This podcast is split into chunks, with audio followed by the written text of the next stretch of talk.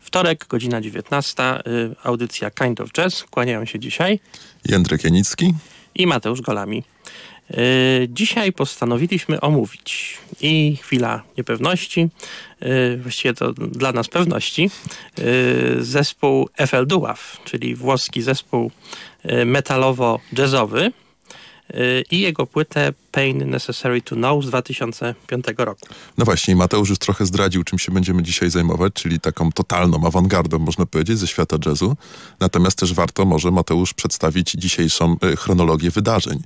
E, gdyż albowiem dzisiaj trochę pogadamy o płycie, a w drugiej części e, naszej audycji pojawi się, pojawią się dwa wywiady, ale to zdradzimy w odpowiednim momencie. I co więcej, dzisiejszą audycją żegnamy się przed wakacyjną miesięczną przerwą. Wracamy we wrześniu.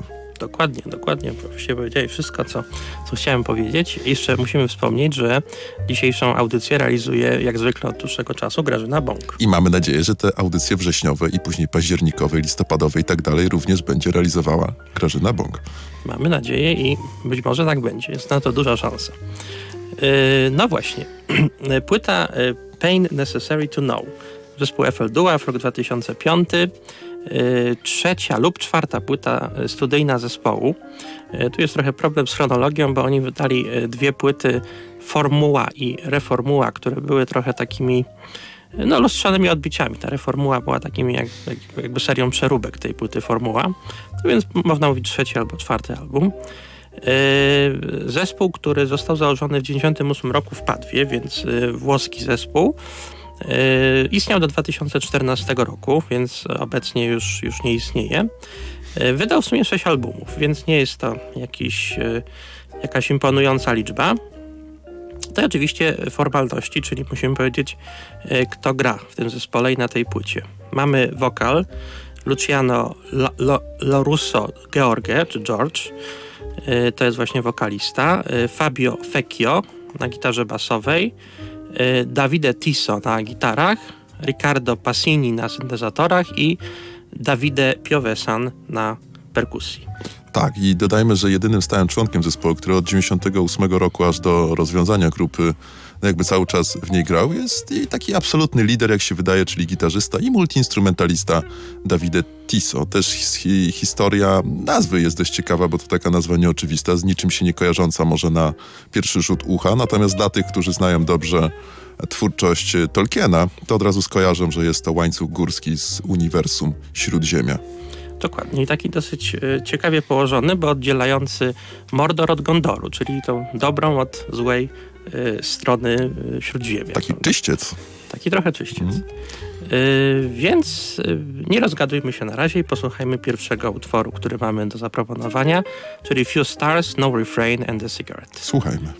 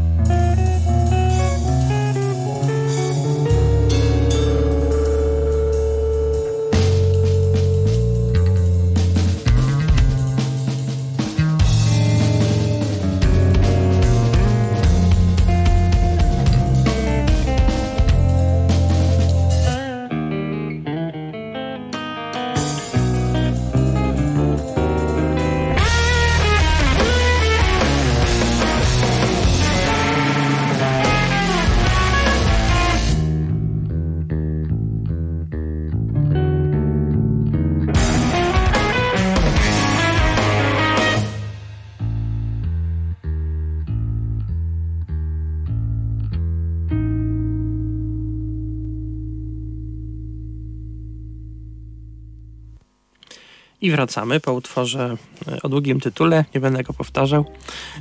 Coś no jest o papierosach w tym tytule. Coś o papierosach, o braku refrenu i o paru gwiazdach. No właśnie. Y, więc taka trochę eklektyczna mieszanka różnych doznań. No i właśnie moje klasyczne pytanie, czy, czy płyta ci się podobała? No wiesz co, w ogóle pierwsze zetknięcie z tą y, płytą, a podejrzewam, że wielu z naszych, z naszych słuchaczy właśnie teraz pierwszy raz z tym nagraniem się styka, jest dość szokujące moim zdaniem, bo wiesz, tutaj się bardzo dużo dzieje, mieszają się wpływy ze świata metalu, takiego hardkorowego, nawet bym powiedział, grania, trochę rocka progresywnego, trochę klasycznego metalu, ale tego jazzu jest dość dużo na, na tej płycie. I muszę ci powiedzieć, że tak po pierwszym odsłuchaniu, może nawet nie po pierwszym odsłuchaniu, ale po pierwszych y, paru minutach obcowania z tą, z tą płytą, no tak się poczułem, jakbym dostał taki y, y, soczysty cios y, między oczy, coś takiego. Mam, miejmy nadzieję, że bardziej metaforyczny niż, niż faktyczny, no ale to było dość trudne, wymagające bardzo przeżycie, ale wciągające. E, no, zgadzam się z Tobą. Myślę, że to jest y, bardzo interesująca płyta, taka interesująco intrygująca. Y, rzeczywiście miesza się tutaj dużo różnych wpływów. Y, no, przede wszystkim te najbardziej widoczne to właściwie cała tradycja metalowa, ale taka właśnie metalu bardziej progresywnego, takiego mm -hmm, bardziej mm -hmm. ambitnego, czy avant metalu, a z drugiej strony właśnie mm, taka jakby poprzecinana, czy, czy, czy właśnie poprzerywnikowana, jeżeli można tak powiedzieć, jazzowymi fragmentami. E, no i to rzeczywiście e, jest coś takiego, co, e, co robi wrażenie przede wszystkim takim harmonicznym i rytmicznym skomplikowaniem. Tak, tak, tak. Skomplikowaniem to dobrze mówisz, bo czytałem, przygotowując się do programu, przyznaję szczerze, bo wcześniej ten zespół znałem bardzo, bardzo pobieżnie z pojedynczych jakichś tam fragmentów. Czytałem wywiad z Davidem Tiso dla magazynu Stylus, był kiedyś taki internetowy magazyn. I on powiedział coś takiego. Wydaje mi się, że to jest klucz do zrozumienia w ogóle pomysłu na ten zespół, że powtórzenie jest bardzo wygodne dla słuchacza i odbiorcy. Natomiast zabija jednak jakąś taką szokującą stronę innowacji i, i, i, nowości. I ja mam wrażenie, że Davide Tiso powtórzenia, powtórki muzycznej piekielnie się boi. Ale, nie, czy piekielnie, ale się boi. Może i się boi, ale właśnie myślę, że trochę w, w, jakby w powtórki popada, bo trochę te utwory, niektóre są do siebie podobne, tak. mam wrażenie, prawda? Tak. Na przykład mhm. wektory są y, w trzech częściach i one są trochę do siebie podobne, ale w ogóle wektor i właśnie ten utwór, który y, przed chwilą puszczaliśmy, one też są do siebie trochę podobne, więc tam y, nie ma tak dużo też takich pomysłów, jeżeli chodzi o tematy czy melodie, one się trochę powtarzają, ale trzeba przyznać, że no jest to bardzo taka pokombinowana płyta. E, no i to jest na pewno jej no, coś, co sprawiło, że, że ta płyta na pewno e, e, była tak, można powiedzieć, pod wzmożonym zainteresowaniem krytyki. Bo może słuchacze aż tak jej ciepło nie przyjęli. To, to nie jest jakaś płyta bardzo popularna, prawda? -huh, tak, ale, tak. Ale, nisza raczej jest. Raczej, mhm. raczej nisza, ale dla krytyków to było ważne wydarzenie. Wiesz co, ale mi się wydaje, że, że, że Tiso i w ogóle zespół Feldua trochę wpadają w pułapkę, którą sami na siebie zastawili, czyli to takie skrajne pokombinowanie, skrajnie, może nawet nie tyle awangardowe, ale skrajna ucieczka od y, schematyczności powoduje, że oni wpadają jakby w kolejną jakąś taką wielką narrację. tak jak postmodernizm negujący wszelkie narracje, sam stawał się narracją. Tak samo Eiffel Duat staje, te utwory są trochę mimo wszystko w pewnym momencie powtarzalne. Każdy przypomina każdy inny utwór. Z małymi wyjątkami, który zaraz zagramy. Dlatego powiedziałem ci na początku, że ta pierwsza styczność z tą płytą to był taki właśnie cios potężny, a z każdą kolejną minutą coraz bardziej ta płyta troszeczkę mnie nudziła, ale jako eksperyment jest y, rzeczą wyjątkową. Tak, tak. To, to, to w dużej mierze się z tobą zgadzam, że właśnie to jest taki rodzaj y, no takiego właśnie eksperymentu, prawda? Ale jak to z eksperymentem bywa, może się bardziej udać bądź mniej i ten jest chyba taki trochę ambiwalentny, prawda? Że tak, tak, raz się udaje, raz się nie udaje ten eksperyment, zależy jak podejść do tego. Tak, mhm. tak, tak. Równe, jedne fragmenty są lepsze, drugie gorsze, pewne elementy są dobre, pewne trochę gorsze, więc oczywiście jest to taka płyta y, trochę nierówna, jakbyśmy ją tak próbowali w całości oceniać. Ale... Natomiast ta płyta też jest ciekawe umiejscowienie w ogóle w dorobku twórczości Eiffel Duat, bo ona jest płytą jak na nich najbardziej, jak, nawet jak na nich, najbardziej intensywną, tak mi się wydaje, i najskrajniejszą, bo poprzednia płyta, Painter's Palette, to był ten sam pomysł nagranie, natomiast tam był zupełnie inny wokal, e, bo tam był wokal czysty. Natomiast tutaj e, Luciano George śpiewa w sposób mocno przesterowany. To może nie growlowane, ale to są raczej takie wrzaski. I to, wiesz, wydaje mi się, że to jest może już nawet trochę przesada. Ten wokal sam w sobie, jego jest świetny. Jak na standardy metalowe nawet, to on by tam był absolutna czołówka kapel metalowych, ale to powoduje, że jakby no nie ma tej kontry w wokalu, nie? Że to jest wszystko cały, cały czas bardzo intensywne i trochę mi brakuje jakiegoś takiego oddechu może w tych partiach wokalnych, bo on śpiewa wszystkie numery troszeczkę na jedno kopyto tym wrzaskiem, Mhm. który jest bardzo dobry zresztą. Tak, tak, tak, tak, zgadzam się. Właściwie nawet y, ten wrzask jakoś tak mało się potrafi przebić z nad tych instrumentów, prawda? Więc to też trochę jakby mm, po, powoduje, że mo, może tą płytę trzeba bardziej kojarzyć jako taki eksperyment instrumentalny, no bo ten wokal tam rze- rzeczywiście się pojawia, ale on właściwie, y, y, no moim zdaniem niewiele wnosi. Poza tym jest na tyle jakby zlany z, z instrumentami, że nie wybija się przed szereg, tak jak w takim porządnym utworze metalowym. Tak, zgadza się. A szkoda, bo ten wokal technicznie w ogóle, wszyscy muzycy są świetni technicznie, ale ten wokal jest, jest dobry i te, te frazy są dociągnięte i te warunki głosowe, no, bardzo specyficzne, ale, ale George ma naprawdę porządne. Tak, tak, tak, to, to, to, to prawda, to prawda. Yy, no właśnie, może yy, posłuchajmy kolejnego utworu, żebyśmy tak się nie, nie, za bardzo zagadali na temat Bardzo dobry płyty. pomysł, tak. Yy, I teraz będzie utwór, utwór Crystalline, Crystalline Wire, czyli krystaliczny wir.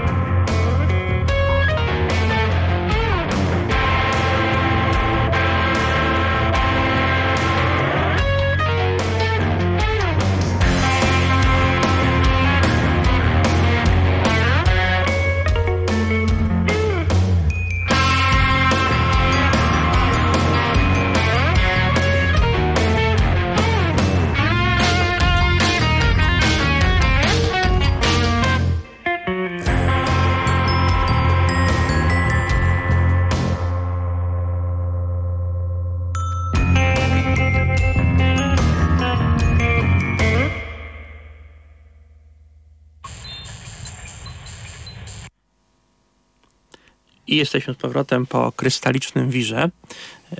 No i właśnie myślę, że jeszcze powinniśmy, myśląc o tej płycie, trochę ją ukontekstowić. To jest moje ulubione zajęcie e, podczas tych audycji.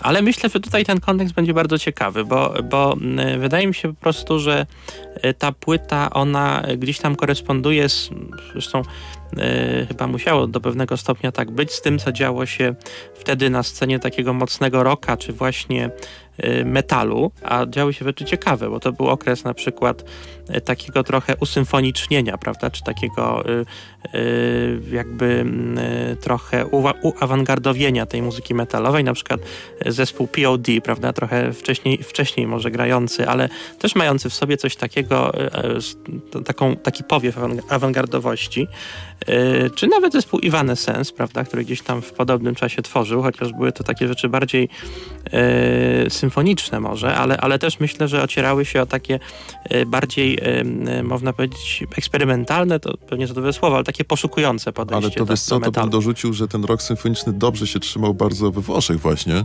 E, rok symfoniczny też taki gotycki z wykorzystaniem elektroniki, z trochę takimi bardzo efektownymi aranżami. Na przykład była taka kapela i wydaje mi się, że to mogła być jakaś inspiracja dla Eiffel Duat, właśnie włoski zespół Lacuna Coil. Oni powstali parę lat wcześniej, tam myślę, nie wiem, 93, może 4. I to jest na pewno coś, co na tych Eiffel i na Davide Tiso wpłynęło. Także, także dobrze mówisz, że to w jakiś sposób koresponduje z y, metalowymi osiągnięciami ówczesnej sceny.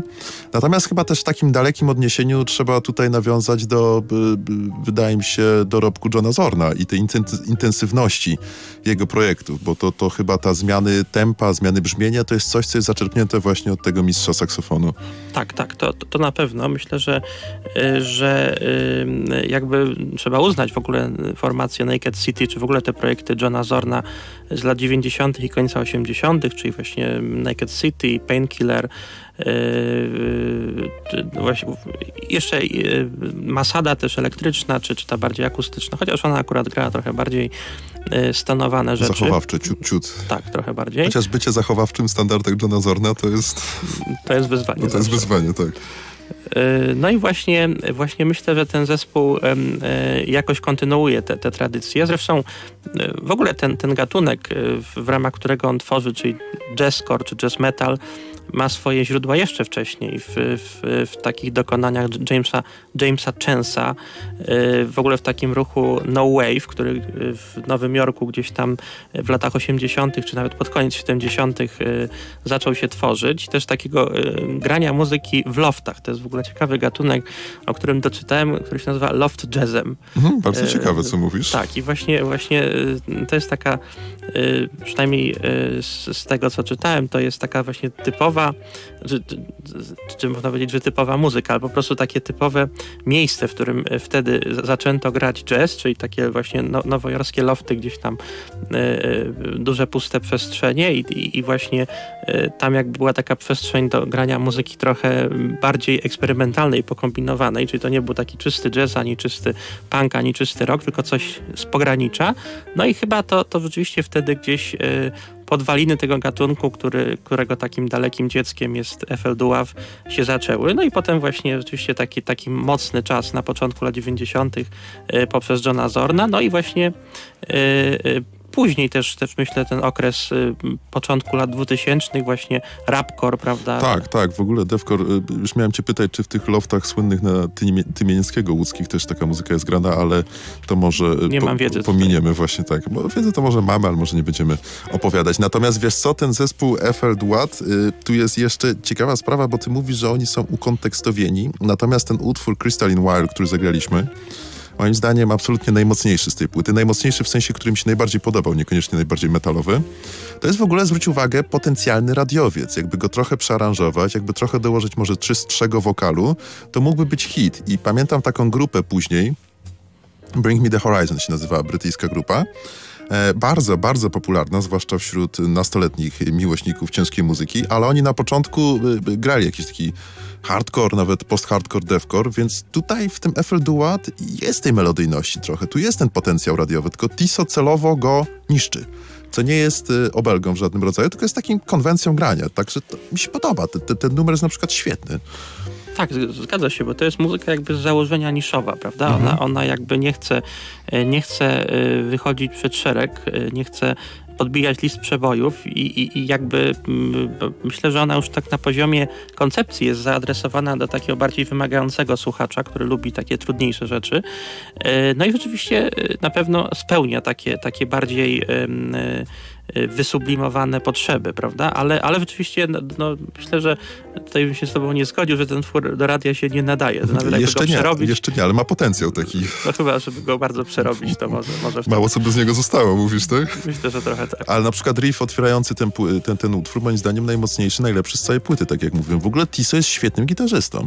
Bo zwróć uwagę, że niezależnie od tego, czy gra partie metalowe, czy gra partie jazzowe, on to bardzo dobrze osadza w groowie. To jest jego podstawa jakby grania, ale ma takie zacięcie jazzowe. To jako jazzman też by się sprawdził, mam wrażenie, w takim specyficznym dość nurcie ma zacięcie jazzowe i on właśnie y, lubi tak przeskakiwać, prawda? Takie robi zmiany y, y, gatunków, czyli jest taki fragment najczęściej, gdzie jest takie mocne granie rockowe czy metalowe, taka ściana dźwięku i potem ona się ścisza, prawda? I wchodzi taka, taka perkusja jazzowa mhm. i ta gitara właśnie zaczyna improwizować tak, jakby to był gitarzysta jazzowy, prawda? Mhm. Więc rzeczywiście on, on jakby tak jest dwutwarzowa, można powiedzieć, ta płyta i też też, y, też ona jest, zresztą recenzenci tego nie pisali, że ona jest taka dwubiegunowa, prawda? Jeżeli, jeżeli po, o poprzedniej płycie mówiono, że jest właśnie taką wielobarwną paletą, bo tam raczej zespół się popisywał, znamy to, umiemy grać tak, mm -hmm. a tutaj bardziej są takie dwa oblicze, prawda? Jest to oblicze y, metalowe czy hard rockowe i to oblicze jazzowe i one jakoś tak ze sobą w takim zwarciu, w takim spięciu przez całą płytę trwają i to jest bardzo ciekawe, prawda? I to, jest, tak, to, to świadczy o ogromnych umiejętnościach. I to jest bardzo zespołu. świeże, tak, bo to ma, masz rację, przestawić się z takiego frazowania jazzowego na myślenie w ogóle metalowe, to, to, jest, ciężka sprawa, bo to są trochę jednak odrębne światy, opierające się tak, na, jeden na jakiejś jednak harmoniczności i tak dalej, a drugi jednak na rytmiczności i motoryce, więc, więc to jest ciężka sprawa, Mateusz. Ale proponuję, żebyśmy jeszcze zagrali jeden utworek z tej płyty, wrócimy na moment do FL Duat i później będziemy, będziemy puszczać wywiady. To co zagramy, Mateusz? Yy, no to zagrajmy wektor. Yy, wektor pierwszy, bo są trzy wektory na płycie. Yy, no właśnie, wektor pierwszy.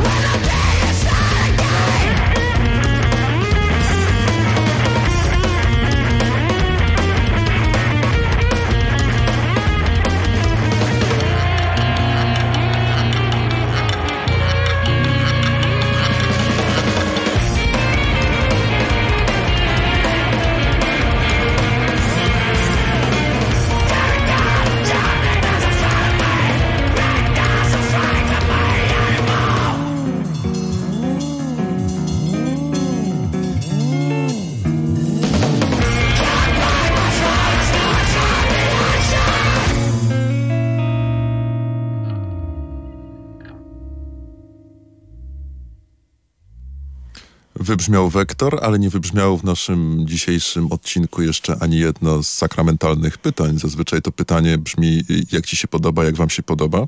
Tak szekspirowsko trochę. Natomiast dzisiaj, Mateusz, będzie inne sakramentalne pytanie. Eee, czy to jest bardziej jazz czy metal dla ciebie? To jest dla mnie bardziej metal jednak ale taki metal właśnie e, z mocną domieszką jazzu. Tu, wiesz co, chyba się z tobą zgadzam, bo y, na przykład mam takie poczucie, że, mm, że tu jest mało improwizacji no, która jednak tam można ją utożsamiać w jakimś tam zakresie, przynajmniej z muzyką jazzową, że to jest taki racjonalnie i rozumowo wykoncypowany potwór, w którym nie ma tej przestrzeni właśnie na improwizację, chociaż na pierwszy rzut oka wydaje się, że jest tego takiego chaotycznego podejścia, ale to chyba jednak jest bardzo ustrukturyzowane wszystko. Mm, chyba tak. Chyba rzeczywiście to jest y, tak dosyć y, ogarnięte rozumowo czy umysłowo przez y, członków zespołu i nie ma tutaj za dużo miejsca na, na improwizacyjne popisy. Ale rzeczywiście powiedziałbym, że to jest przede wszystkim muzyka metalowa, czy avant metalowa, czy post metalowa, czy jeszcze jakby to powiedzieć, no to właściwie inaczej się chyba nie da powiedzieć, ale właśnie z, z dużą ilością jazz fusion, czy takiego free jazzu, ale w formie grania na gitarze. Więc to jest oczywiście pod względem gatunkowym taka mocna mocny mieszaniec, prawda? Mocny mieszaniec, y, wiesz co, i tu jest jeszcze jedna sprawa ciekawa, że to może być wszystko szokujące dla fanów jazzu, bo tego jazzu tu jest naprawdę dużo, bo sama estetyka tego zespołu jest taka odrażająco metalowa. Chodzi mi chociażby o nazwę płyty, y, nie wiem, ból, który trzeba poznać, coś takiego, nie? Tak by to należało tłumaczyć to coś, co w Polsce mało na przykład jest tego rodzaju pomysłów. Pamiętam taką krakowską kapelkę Duszan B. Ich absolutnie pierwsza epka się nazywała Przyszliśmy wypić waszą krew. Jest to, albo tak? Tak się nazywa, chyba tak się nazywa. Przyszliśmy tylko wypić waszą krew, coś takiego. Więc takie, wiesz, też nawiązanie bardzo mocne estetycznie do stylistyki death metalowej.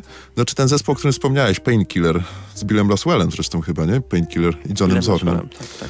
Eee, i, i, i, I tam, wiesz, nazywali płytę Gods of a Virgin, czyli już nie będziemy tego tłumaczyć, bo jesteśmy przed 23. W związku z tym odpuścimy sobie tłumaczenie tego tytułu i to jest też trochę szokujące, nie? Że oto w świat jazzu, który jednak nie epatuje jakąś skrajną estetyką, niezależnie co to by był za zespół, takie szokujące obrazy się wdzierają. No tak, tak, to prawda. To jest y, taka stylistyka y, death metalowa, czy taka trash metalowa nawet. Tak, tak. Gdzie mhm. się porusza taką tematykę, można powiedzieć, trudną, prawda? Mhm. Y, dotyczącą właśnie jakiegoś okultyzmu, satanizmu, albo właśnie różnych trudnych, takich mrocznych doświadczeń, jak nie wiem, narkomania, samobójstwa, samookaleczenia, prawda, mhm. i tak mhm. dalej. Te trudne doświadczenia, to o czym mówisz, to głównie jest właśnie death metal i doom metalowe kapele wszystkie, nie? Tam po, po znaku katatonii i tak dalej. To jest ich bardziej domena. Trash metalowcy zazwyczaj są trochę trochę bardziej zabawowi, chociaż jak sobie przypominam niektóre z tekstów zespołu Slayer, no to trudno je nazwać zabawowymi.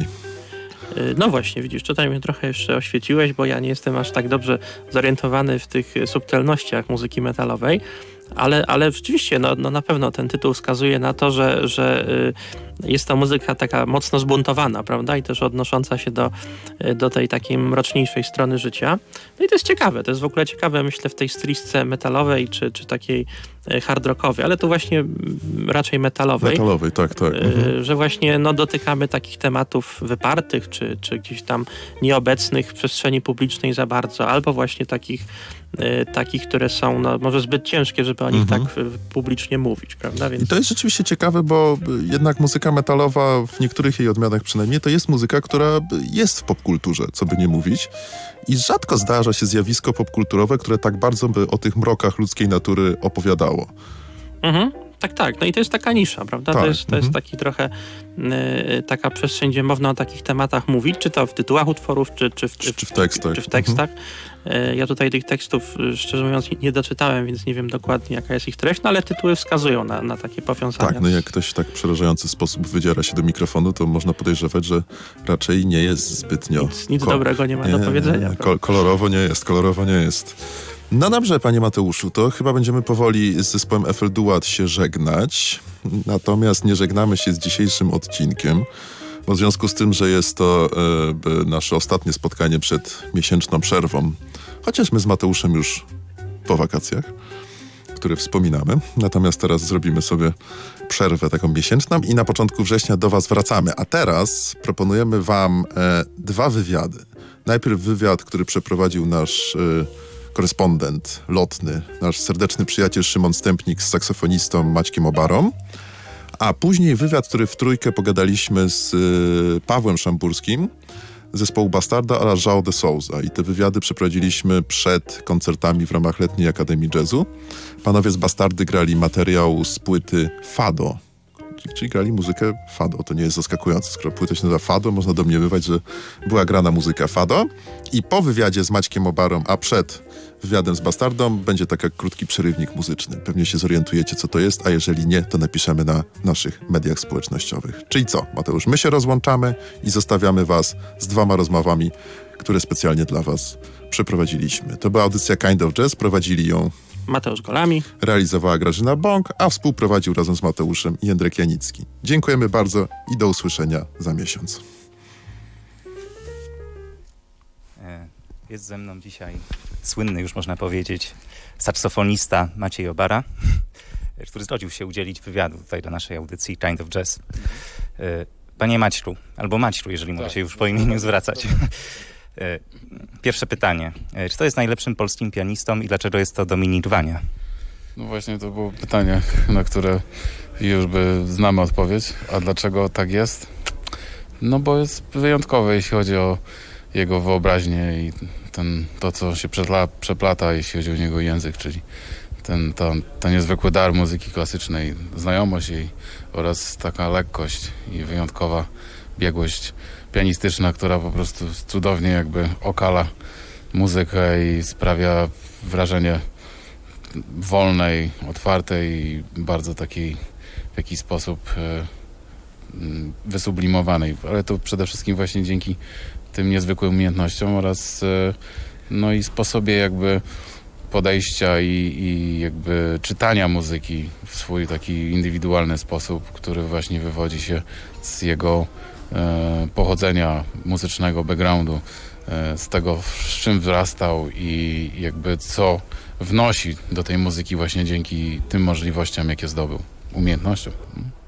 E, nie tylko, prawda, Dominik Wania, ale też gra z tobą e, dwóch innych wspaniałych muzyków. Gard Nielsen e, i Ole, jakbyś mógł powiedzieć, jak się wymawia w ogóle nazwisko? Ule Morten Wogan, dokładnie. Powiedz proszę, jak to jest, jeśli gra się w takim międzynarodowym składzie? Czy ciężko zgadać się na jakieś wspólne próby, koncerty, zaplanować trasę koncertową? W sumie nie, dlatego że to jest working band, który gra ze sobą już 11 lat ponad i jakby zawsze każda trasa, jeśli już dochodzi do jakiegoś grania nowego materiału, no to, to po prostu poświęcamy w trakcie trasy troszkę czasu na to, żeby codziennie coś przepróbować nowego i próbować to prezentować w trakcie koncertów. Na samym początku to jest bardziej ryzykowne, a z biegiem czasu ten materiał się staje taki naturalny, w jakiś sposób ograny i wszyscy go dobrze znają, więc e, można powiedzieć, że jakby to sobie dojrzewa w, tre, w miarę tego, jak gramy materiał wspólnie, więc e, to wymaga czasu i w sumie daje nam taką dużą e, dozę bezpieczeństwa nad pracą na muzyką, możliwości zmiany jej i w sumie tak naprawdę pomimo tego, że gramy teraz materiał z nowej płyty, to można powiedzieć, że już na tyle go często prezentowaliśmy, że w sumie chyba byłoby czas znowu pracować nad czymś nowym. No właśnie, Frozen Silence, bo dzisiaj zapewne będzie się grać utwory z tej płyty, ale będzie się grać też coś y, z pozostałych jakby rzeczy, które nagraliście? Nie, gramy tylko nowe. Płyta oficjalną premierę ma 8 września, czyli jakby prom, premiera to znaczy jest dostępna w sprzedaży w dystrybucji, ale tak naprawdę ze względu na wyjątkową publiczność w Polsce i te nasze trzy grania, które właśnie się odbywają e, w wakacje. Mamy tą płytę wcześniej, dostaliśmy ją od wytwórni i dzięki temu dzisiaj po koncercie też możemy jako w pierwszej kolejności, można powiedzieć, e, zaprezentować ją bezpośrednio polskiej publiczności i zrobić taki ukłon w stronę tego, że jednak jednak jestem artystą z Polski, tak samo jak Dominik i w sumie jestem liderem tego kwartetu, w związku z tym jakby robimy ukłon w stronę naszej polskiej publiczności, żeby dać jej szansę jako pierwszej usłyszeć to i w ogóle zakupić ten materiał. No właśnie, będziecie próbowali grać te utwory tak jeden do jednego, czy jest tam miejsce na improwizację? Nie, no to jest wszystko zagrane na zasadzie znamy materiał i można powiedzieć, że będziemy się nim pewno dobrze bawić. I zobaczymy, co z niego wyjdzie, bo każdy koncert ma jakieś swoje momenty i w różną stronę, można powiedzieć, porusza się, więc e, No, jestem bardzo ciekaw dzisiejszego grania. Warunki są wyśmienite e, tutaj w wytwórni. Mamy świetnego realizatora, więc można powiedzieć, że są idealne warunki do tego, żeby po prostu mieć przyjemność dzisiaj z grania. Super. E, mówiłeś jeszcze, że może czas zacząć nagrać coś nowego. Przyznam szczerze, że jestem wielkim fanem wszystkich twoich współprac, jakie miałeś. Przykład z Piotrem Damasiewiczem, Zaton String Quartet, graliście chyba rok temu zresztą tutaj, Albo dwa lata temu. albo dwa lata temu. Czy szykuje się właśnie coś nowego, jeśli chodzi o współpracę z innymi artystami? E, Ostatnio grywam dużo w dużym projekcie takim w sumie skandynawskim Garda Nilsena, czyli duża orkiestra Supersonic i w tym składzie gram jako sideman i to mnie bardzo cieszy, że akurat jestem członkiem tego, tego wyjątkowego zespołu, gdzie w sumie sama plejada najlepszych muzyków ze Szwecji i z Norwegii e, jest tam i mam tą zaszczyt być jedynym polskim artystą. To jest zespół, z którym gram jako sideman. Ostatnio też grywałem trochę we Francji, też dostałem jakieś różne zaproszenia, więc można powiedzieć, że poruszam się też nie tylko w swojej stylistyce, a co do nowego projektu ciężko powiedzieć. Na tą chwilę chciałbym dalej kontynuować kwartet, bo bardzo lubię, to jest taka familijna atmosfera w tym, w tym zespole, że popycha mnie do tego, że chcę w to dalej inwestować i jakby upatruję w tym jakiś rozwój dla siebie. Super, dzięki za rozmowę i cóż, połamania nóg dzisiaj na koncercie. Dzięki bardzo. Wszystkiego dobrego i miłego odbioru mam nadzieję.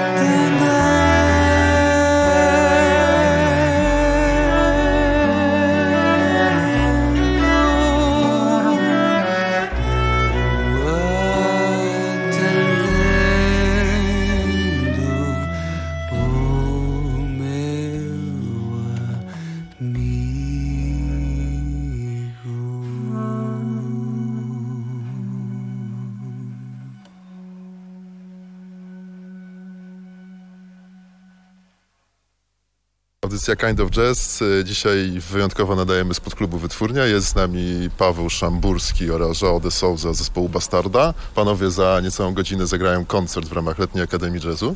Serdeczne dzięki, że zgodziliście się z nami pogadać. I pierwsze pytanie zada wam redaktor Stępnik. E, Słuchajcie, bo e, ostatnio mieliście taki epizod, że graliście muzykę związaną e, z takimi kulturami no, innymi niż kultura żydowska. No, ale jednak w ostatnim albumie wracacie z powrotem do tej kultury hasyckiej. Więc stąd ten pomysł, żeby znowu wrócić. Tak, tutaj była sytuacja następująca. Nagraliśmy album, bo ja przez lata jednak tej muzyce żydowskiej dużo uwagi poświęcałem i zespołem Cugund, i solowych projektach. Z Bastardą na trzecim albumie podjęliśmy temat ym, klanu Modrzyc. To było też takie zamówienie od Mirona Zajferta.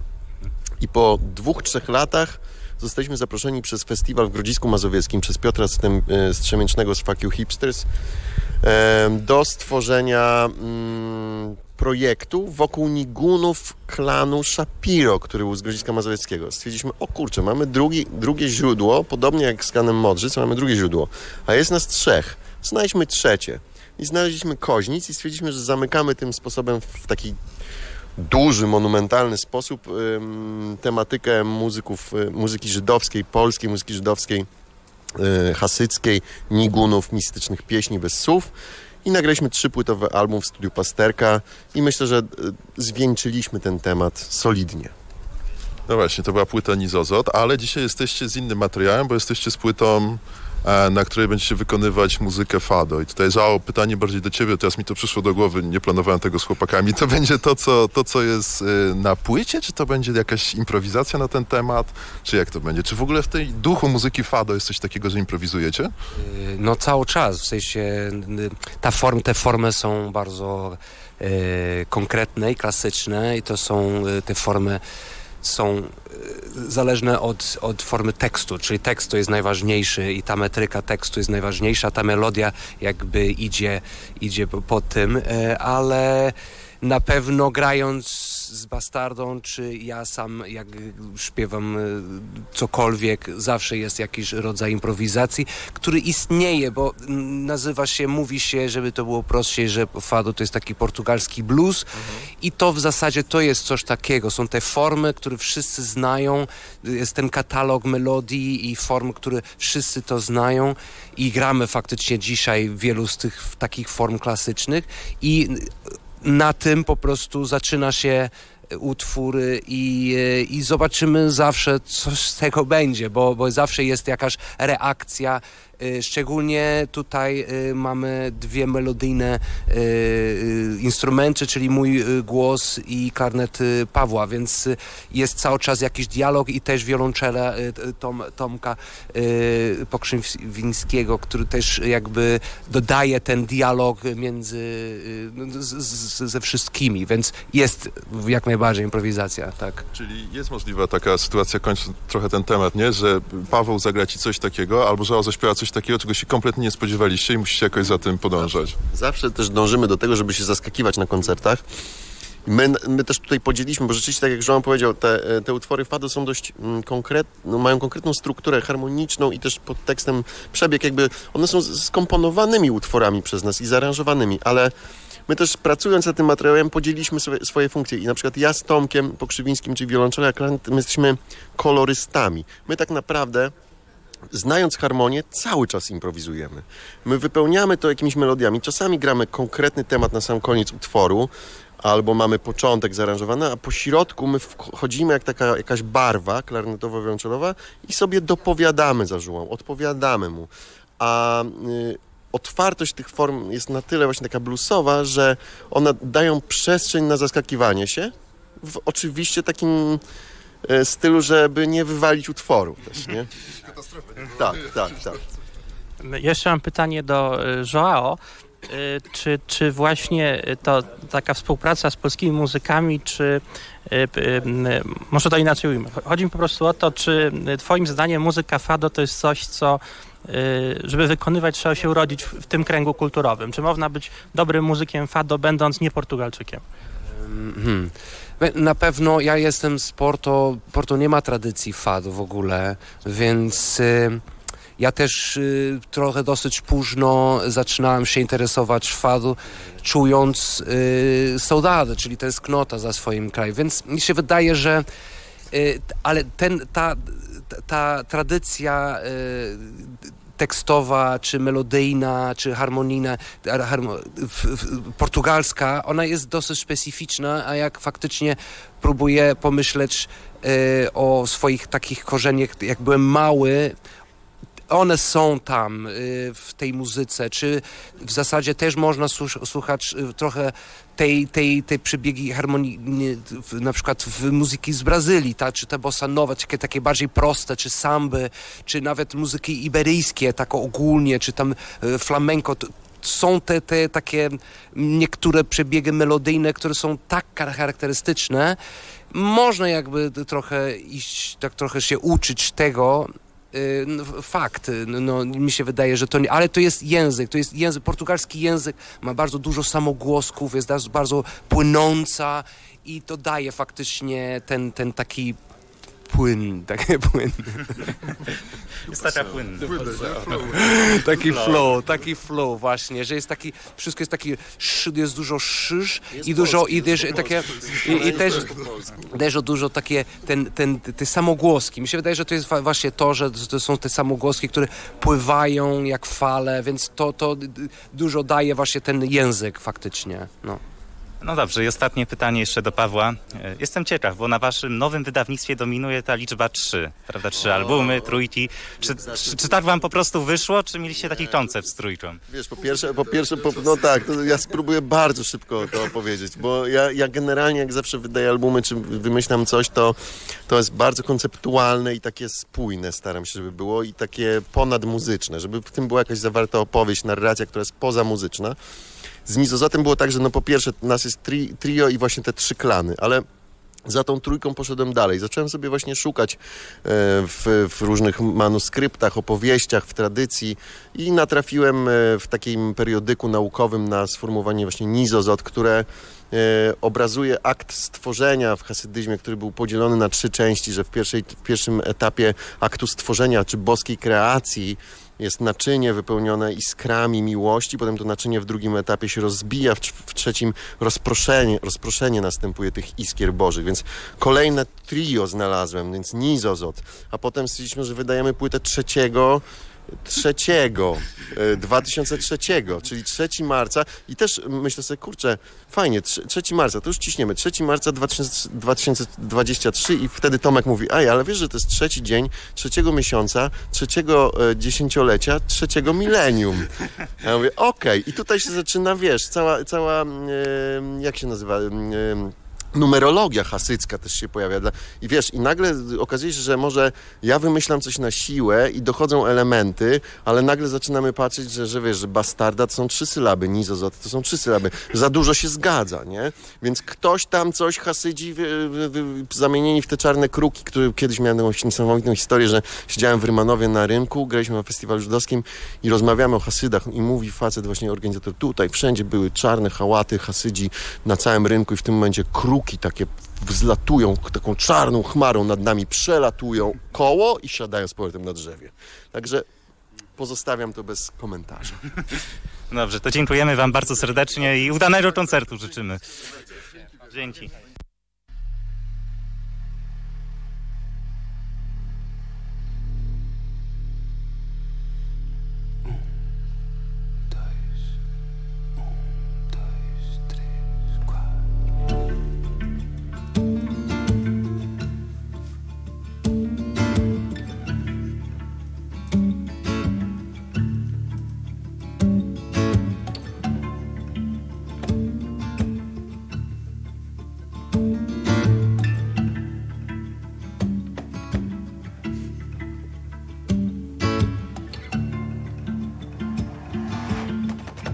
I'm a shark of a raiz ao pensamento.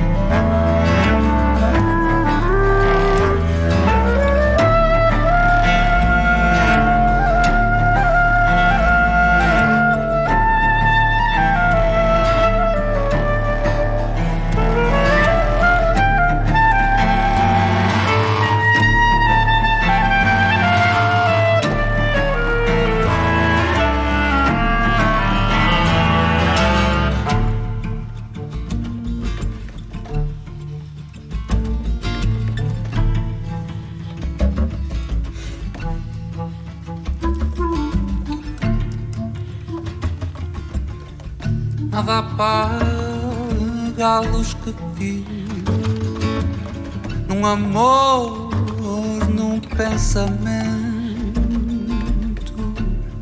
Nada apaga a luz que tive num amor, num pensamento.